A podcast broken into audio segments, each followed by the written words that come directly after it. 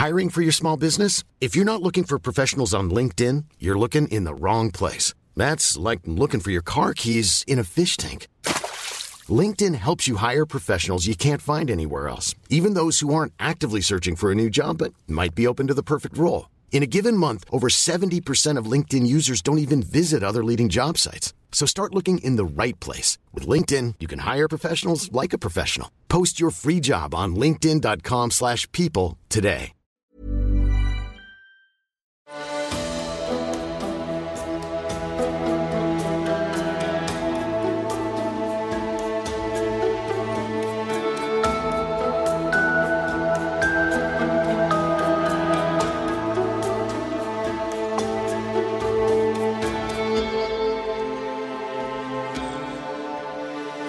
Velkommen til Seriemorderpodden, podkasten dedikert til seriemordere. Hvem de var, hva de gjorde og hvordan. Jeg heter Thomas Rosseland Wiborg Tune, og i kveld tar vi for oss den seriemorderen som undertegnede mener vinner prisen som den mest fordervede, sadistiske og ondskapsfulle morderen noensinne, Robert Berdella, også kjent som Kansas City-slakteren. Det er ikke ofte jeg gjør dette, kjære lytter, men eh, i denne episoden vil det være svært grafiske beskrivelser av ekstrem tortur og vold.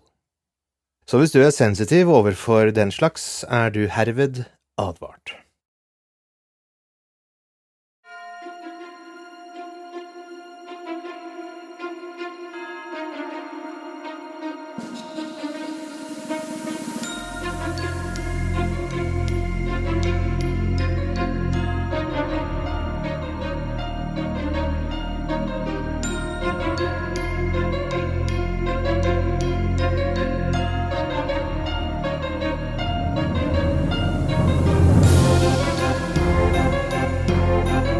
Forestill deg om du vil, kjære lytter, det følgende. Det var nær 35 grader celsius i den varme solen den 5. juli 1984. Kansas City befant seg i en av de verste hetebølgene i nyere tid. Luften var kvelende varm, og prognosen for de neste dagene var for enda varmere temperaturer. Ting var bra i Amerika. Økonomien hadde blomstret under president Ronald Reagan, Vietnamkrigen var et fjernt minne, og det var en følelse av optimisme i luften. Duran Durans pophit Reflex var nummer én på musikklistene, og Eddie Murphy-krimkomedien Beverly Hills Cop var den mest populære filmen på kinoene i Kansas City. For de som bodde på Charlotte Street ved South Hyde Park, var det aldri mye grunn til å legge spesielt merke til mannen som hadde bodd på 4315 Charlotte siden 1969. Det var som ethvert annet hus på gaten, en to og en halv etasjes trekledd bolig i viktoriansk stil. Haven var litt overgrodd og verandaen litt slitt av tidens innvirkning, men det var ingenting som ville få selv den mest mistenkelige nabo til å mistenke at dette var hulen til en seriemorder. Som mange av de mangeårige beboerne i Charlotte Street kjente de fleste hverandre ved navn, og Robert Berdella var ikke annerledes. Han var en livslang ung kar og en åpent homofil som eide en liten kuriositetsbutikk nede ved Old Westport Flea Market. Han holdt seg mer eller mindre for seg selv og var stille og beskjeden. Ingen fikk noen mistanke om at han var i stand til ufattelig ondskap. Det var lite som tydet på at denne kvelden, i den varme øvre etasjen i dette upretensiøse hjemmet, skulle Robert Bedella endelig bukke under for en lenge voksende mørk, ond fantasi inni ham. Og med det vandre den blodstengte veien til å bli Kansas Citys mest beryktede seriemorder. Innen myndighetene endelig arresterte Berdella, skulle seks menn, alle antatt å ha vært aktive mannlige prostituerte, bli brutalt torturert og voldtatt før de til slutt ble blødd ut som griser i et slakteri og kuttet opp med en motorsag. Da de var tappet for blodet, ble de delt opp i en seksuelt drevet sadistisk transe som kom til å sjokkere selv de mest garvede etterforskerne ved enheten for alvorlige forbrytelser i Kansas City politidistrikt. Brutaliteten til forbrytelsene vitnet om et mørkt raseri. Et raseri der Berdella fant intens seksuell begeistring fra frykten og smerten han påførte ofrene sine. Fascinasjonen hans vokste med mengden smerter han kunne påføre mennene han hadde bundet til en sengeramme av stål i annen etasje i hjemmet sitt. Hans torturmetoder var utformet for å gi ham en seksuell løslatelse, og trakk spesiell spenning fra ofrenes manglende evne til å stoppe overgrepet hans eller stritte imot. Han ønsket kontroll, og brukte ofte bomullspinner til å gni flytende blekemiddel inn i øynene til byttet sitt, noe som forårsaket midlertidig blindhet og ekstrem smerte. Hvis de begynte å skrike, helte han flytende avløpsrens ned i halsen deres, og forårsaket med det en forferdelig brennende reaksjon forårsaket av natriumhydrokside, som ville begynne å løse opp vev i og rundt stemmebåndene.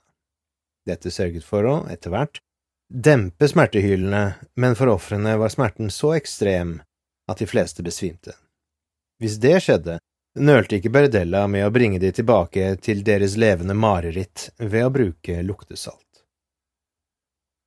Berdellas besettelse av tortur ble antent av en opplevelse da han var 16, hvor han ble seksuelt overfalt av en kollega mens han jobbet som kokk. Da han var i 30-årene, inkluderte torturmetodene hans tvangssodomi, drevet av et grenseløst seksuelt behov der han analt voldtok ofrene sine så mange ganger som fem om dagen. Hans modus operandi var alltid de samme. Dette inkluderte injeksjoner, elektriske støt og fysiske slag med stålstang. Han førte detaljerte notater om overgrepene sine og typen tortur han skulle påføre, inkludert hva han injiserte ofrene sine med. Under torturøktene hans holdt han oversikt over de forskjellige fremmedlegemene, inkludert grønnsaker og stålstenger, han satte inn i endetarmen til mennene han holdt fanget. Han hadde laget et grovt forkortelsessystem for å holde styr på tidslinjen for torturstatistikken hans ved å bruke håndskrevne notater som FING-F, som sto for å penetrere offeret med fingeren, eller Gulrot-F, som refererte til bruken av en stor gulrot oppi samme endetarm. Han skulle ta dusinvis av polaroidbilder av torturøktene sine.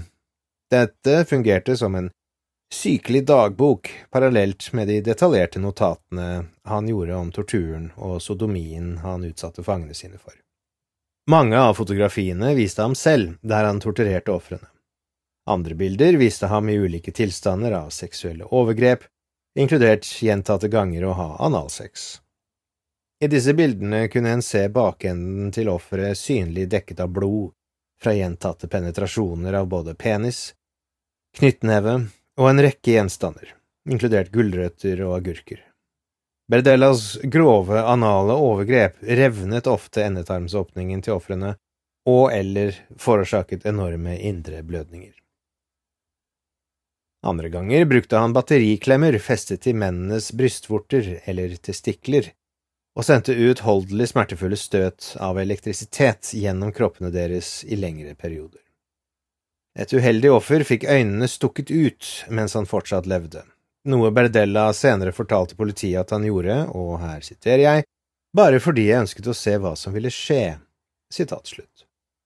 Som tilfellet er med mange seriemordere og psykopater, forble Berdellas sykelige fascinasjon for død og tortur skjult for de rundt ham og han viste bare sjelden tegn på en avvikende eller mistenkelig oppførsel.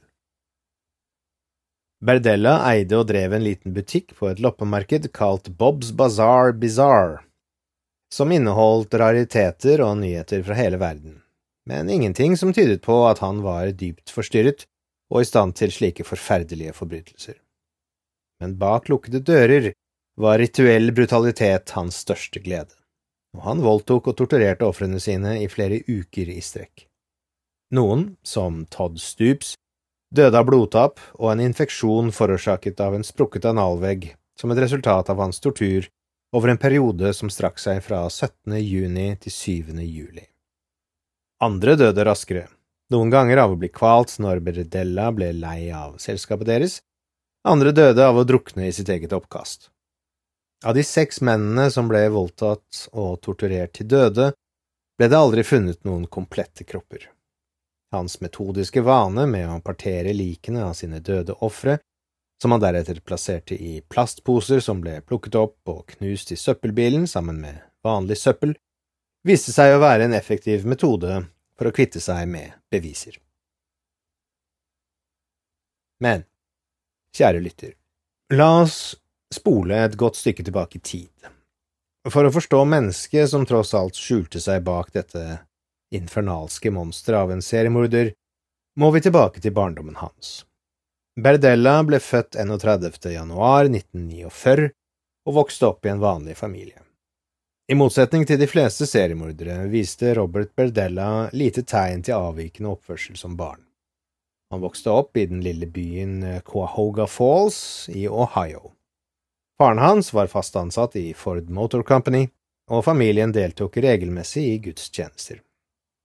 Alle senere vitnesbyrd tilsa at barndommen hans var svært ordinær og fri for store begivenheter. Det eneste som skilte unge Berdella ut, var det dårlige synet hans, som førte til at han måtte bruke tykke, reseptbelagte linser. Dette medførte at han, som så mange andre seriemordere før og etter ham, ble mobbet i skolegården i den tidlige perioden av livet. Berdella gjorde det bra på skolen og hadde en intelligens over gjennomsnittet. Dette til tross for at lærere til tider fant ham frustrerende og noe vanskelig å undervise. Han var intelligent og til tider for selvsikker angående intellektet sitt, og det fikk han ofte til å fremstå som uhøflig og nedlatende, spesielt mot det motsatte skjønn. Dette skulle være en egenskap som forble med ham hele livet. Tidlig i 1966, i en alder av 16, døde Berdellas 39 år gamle far uventet av et hjerteinfarkt, og det endret Berdella fundamentalt. Moren hans giftet seg på nytt kort tid etter, noe som tente mye sinne i tenåringen, og han nektet å akseptere sin nye stefar. I løpet av ungdomsskolen ble Berdella ansatt på deltid som linjekokk på en lokal restaurant, hvor han ble seksuelt overfalt av en annen mannlig ansatt. Dette skulle vise seg å være hans første homoseksuelle erfaring. I en tid hvor slike forhold sjelden ble rapportert til myndighetene, ble overfallet holdt skjult for de rundt ham, inkludert de få vennene han hadde, og familien hans. Det var kort tid etter denne urolige perioden at han så filmen The Collector, en historie om en mann som ble besatt av en kvinnelig medarbeider og deretter tar henne til fange, overbevist om at hun til slutt skulle bli forelsket i ham.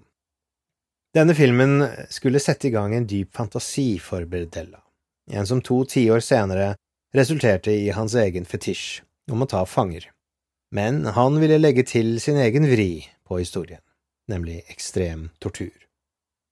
Berdella led fortsatt av virkningene av hans seksuelle overgrep og farens død da han meldte seg inn på Kansas City Art Institute. I løpet av denne perioden begynte fantasiene hans om tortur å øke, og det var her han først begynte å eksperimentere på dyr, inkludert å koke en annen levende, samt å drepe en kylling og en hund. Begge injiserte han med en rekke beroligende midler og narkotika i et forsøk på å måle reaksjonene deres. To år inn i programmet ble han utvist for å ha brukt en død hund som en del av en kunstutstilling. De som kjente Berdella da han var skolegutt, husket ham som en enstøing som foretrakk å skrive lange brev til pennevenner i fjerne land i stedet for å tilbringe tid med barn på hans egen alder. Etter hvert som han gikk gjennom college, ble han mer utadvendt og selvstendig og likte å delta i livlige debatter med mennesker han anså som intelligente. I denne perioden utviste han tegn på en mild tvangsnevrose, OCD, og han var svært opptatt av at alt skulle være ryddig og ordnet. Etter å ha blitt kastet ut av kunstskolen ble Berdella en dyktig kokk og ble involvert i et nabovaktprogram. I løpet av denne perioden meldte han seg frivillig til flere programmer opprettet for å hjelpe unge menn og tenåringer i å snu deres urolige liv. I en alder av 20 tok han sparepengene han hadde spart opp fra jobben som kokk, og kjøpte et hjem på Charlotte Street i Kansas. If you're looking for plump lips that last, you need to know about Juvederm lip fillers. With Juvederm Volbella XC and Juvederm Ultra XC, your lip look, whether it's subtle or bold, can last up to one full year with optimal treatment and no additional maintenance. Find a licensed specialist and see if it's right for you at juvederm.com today. That's J U V E D E R M.com. Add fullness to lips in adults over 21 with Juvederm Volbella XC or Juvederm Ultra XC. Do not use if you have severe allergies or a history of severe allergic reactions, or if you're allergic to lidocaine or the proteins used in Juvederm. Tell your doctor if you have a history of scarring or taking medicines that decrease the body's immune response or that can prolong bleeding. Common side effects include injection site redness, swelling, pain, tenderness, firmness, lumps, bumps, bruising, discoloration, or itching. As with all fillers, there's a rare risk of unintentional injection into a blood vessel, which can cause vision abnormalities, blindness, stroke, temporary scabs, or scarring. For full important safety information, visit juvederm.com. Burrow's furniture is built for the way you live. From ensuring easy assembly and disassembly to honoring highly requested new colors for their award-winning seating, they always have their customers in mind. Their modular seating is made out of durable materials to last and grow with you. And with Burrow, you always get fast, free shipping. Get up to 60% off during Burrow's Memorial Day sale at burrow.com slash ACAST. That's burrow.com slash ACAST. burrow.com slash ACAST. Der hadde han for vane å holde seg for seg selv, og det var kun en sjelden gang han snakket med naboer eller bydde på en vennlig vink i forbifarten. I begynnelsen av tyveårene bekjente han åpenlyst å være homofil, og foretrakk i økende grad selskapet til de unge tenåringsguttene som solgte seg selv på gatene i Kansas City. Han hadde mange relasjoner på 70-tallet med flere unge menn, ofte byttet de rom og kost for seksuelle tjenester. I løpet av denne tiden åpnet han en liten kuriositets- og antikvitetsbutikk på et gammelt loppemarked, samtidig som han fortsatte med sin kulinariske karriere. Hans sedentære livsstil, kombinert med tung alkohol- og narkotikabruk, begynte å bremse stoffskiftet, og han begynte å gå en god del opp i vekt. På sin side fant han ut at den eneste måten å finne elskeres hengivenhet på, var å betale for deres seksuelle tjenester, og en følelse av indignert raseri begynte å danne seg dypt inni ham. Etter hvert som 1970-tallet gikk mot slutten og 1980-tallet begynte, fant Robert, som alltid presenterte seg som Bob Berdella, ut at det ble vanskeligere og vanskeligere å holde sin homoseksuelle appetitt tilfredsstilt, og dypt inni ham brant en voksende fantasi som ble vanskeligere og vanskeligere å kontrollere. Mørke tanker og fantasier som skremte til og med ham selv. I 1982 ble Berdella seksuelt og følelsesmessig involvert med en Vietnam-veteran, og de to mennene hadde en lidenskapelig affære. Forholdet tok brått slutt, og i løpet av noen få uker begynte han igjen å søke trøst i selskap med unge mannlige prostituerte. I denne perioden tilbød han unge menn et sted å sove og bo, og det var ikke uvanlig at alle soverommene i huset hans ble fylt opp med unge mannlige elskere. Noen unge menn ble værende fordi de trengte et sted å sove, andre var der fordi de var fysisk involvert med Berdella. I løpet av denne perioden hadde han fortsatt ikke omfavnet sine mørke fantasier, og i mange tilfeller jobbet han med de unge mennene for å hjelpe dem med å snu livet og få dem vekk fra gatene. I 1984, to år etter hans traumatiske brudd med sin homofile kjæreste, begynte Berdella å tilbringe mer og mer tid med en 19 år gammel mannlig prostituert ved navn Jerry Howell, som han hadde kjent siden 1979, da gutten bare var 14 år. Jerrys far hadde også en stand på loppemarkedet, og gutten hadde blitt fascinert av Berdellas historier om fjerne steder og eksotiske ting, og spesielt hans åpne homoseksualitet. De to spøkte med homofil sex og begynte å tilbringe mer og mer tid sammen, noe Howells far ble rasende over. Han truet åpenlyst både sønnen og Berdella ettersom han allerede hadde hørt ting på gaten om Berdella og hvordan han behandlet unge menn, og det gjorde ham kvalm. Berdellas egne fantasier begynte å vokse, og han fant seg ofte onanerende til tanken om å kidnappe, binde fast og påføre den unge mannen ekstrem smerte. Han lurte på om det var noe galt med ham, hvorfor han fantaserte om tortur, og hvorfor tanken på å ha sitt eget private menneskelige sexleketøy i sin hule hånd gjorde ham så uendelig kåt. Det var en varm sommerkveld i juli at fantasien hans ble virkelighet, og en livslang, voksende besettelse av voldtekt og tortur skulle vise seg endelig å bli uutholdelig.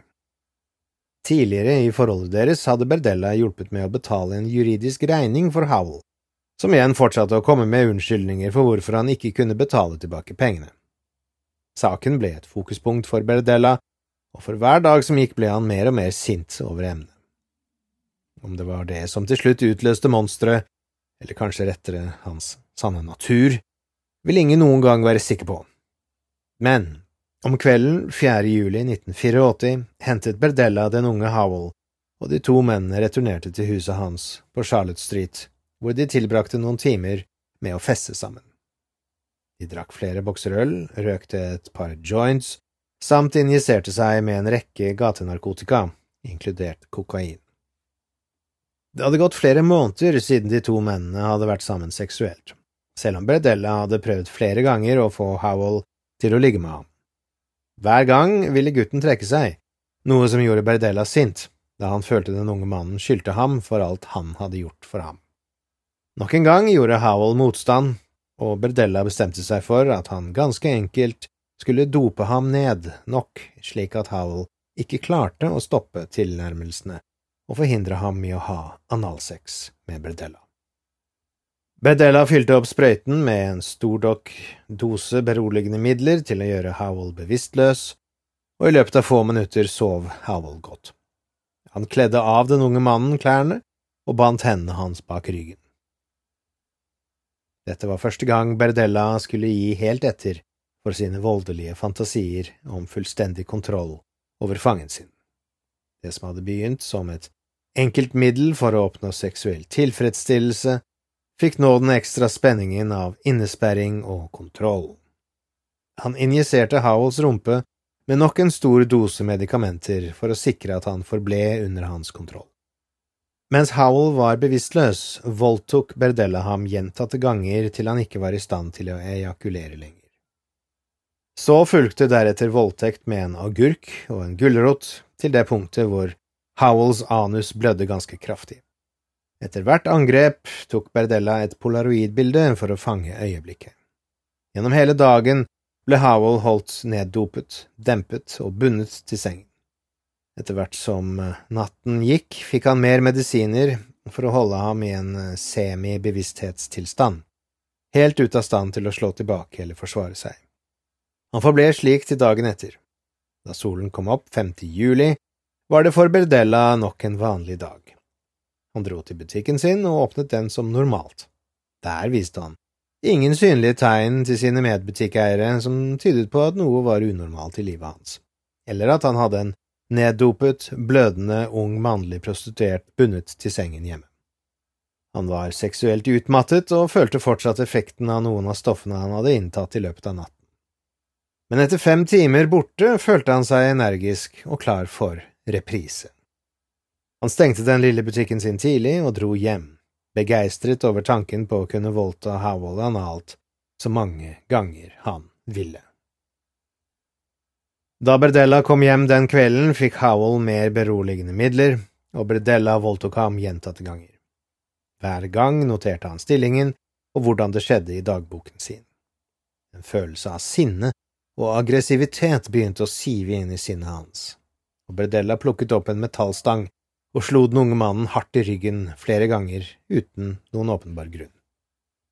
En følelse av sinne og aggressivitet begynte å sive inn i sinnet hans, og Bredella plukket opp en metallstang og slo den unge mannen hardt i ryggen flere ganger uten noen åpenbar grunn. All avvisningen, alle gangene disse unge mennene hadde utnyttet ham, kokte over til et seksuelt drevet raseri. Omtrent klokken 22 om kvelden den 5. juli til Berdellas overraskelse døde Howell av å bli kvalt av sitt eget oppkast. Forbløffet visste han ikke om det var forårsaket av overfallet, eller den sannsynlige overdosen av narkotika han hadde injisert ham med. Alt han visste, var at gutten var død, og plutselig innså Berdella at han ikke bare var en seksuell avviker, men en morder. I ettertid skulle Howell være en av de heldige. Lidelsene hans varte i anførselstegn bare i 24 timer. Som med ethvert drap er alltid et nøkkelspørsmål hva man skal gjøre med liket, og Bredella vurderte nøye hvordan han skulle kvitte seg med Howells lik. Han dro den livløse kroppen ned trappene og deretter ned i kjelleren. Det var her han skulle få kallenavnet sitt, Kansas City-slakteren.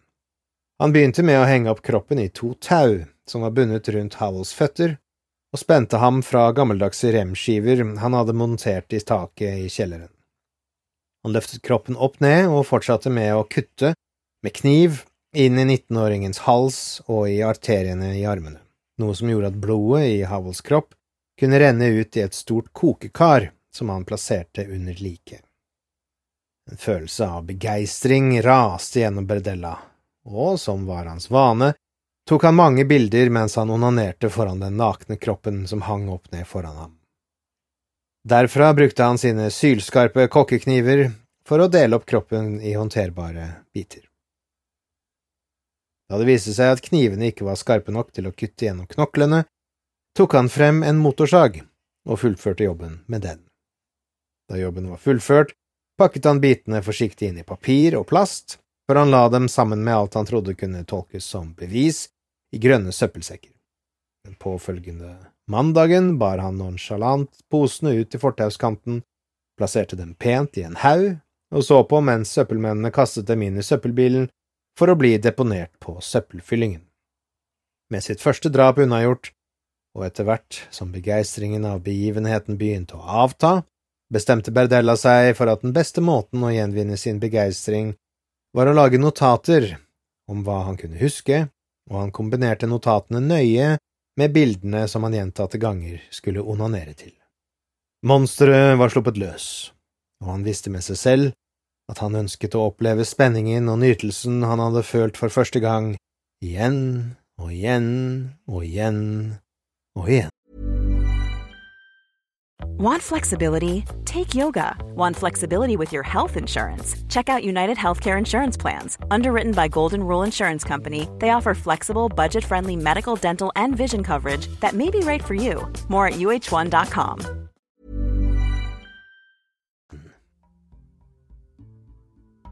Og med det, kjære lytter, kommer vi til slutten av del én i sagaen om Robert Berdella. Neste episode tar vi for oss fortsettelsen av sagaen, så som de sier i Radioland. Følg med.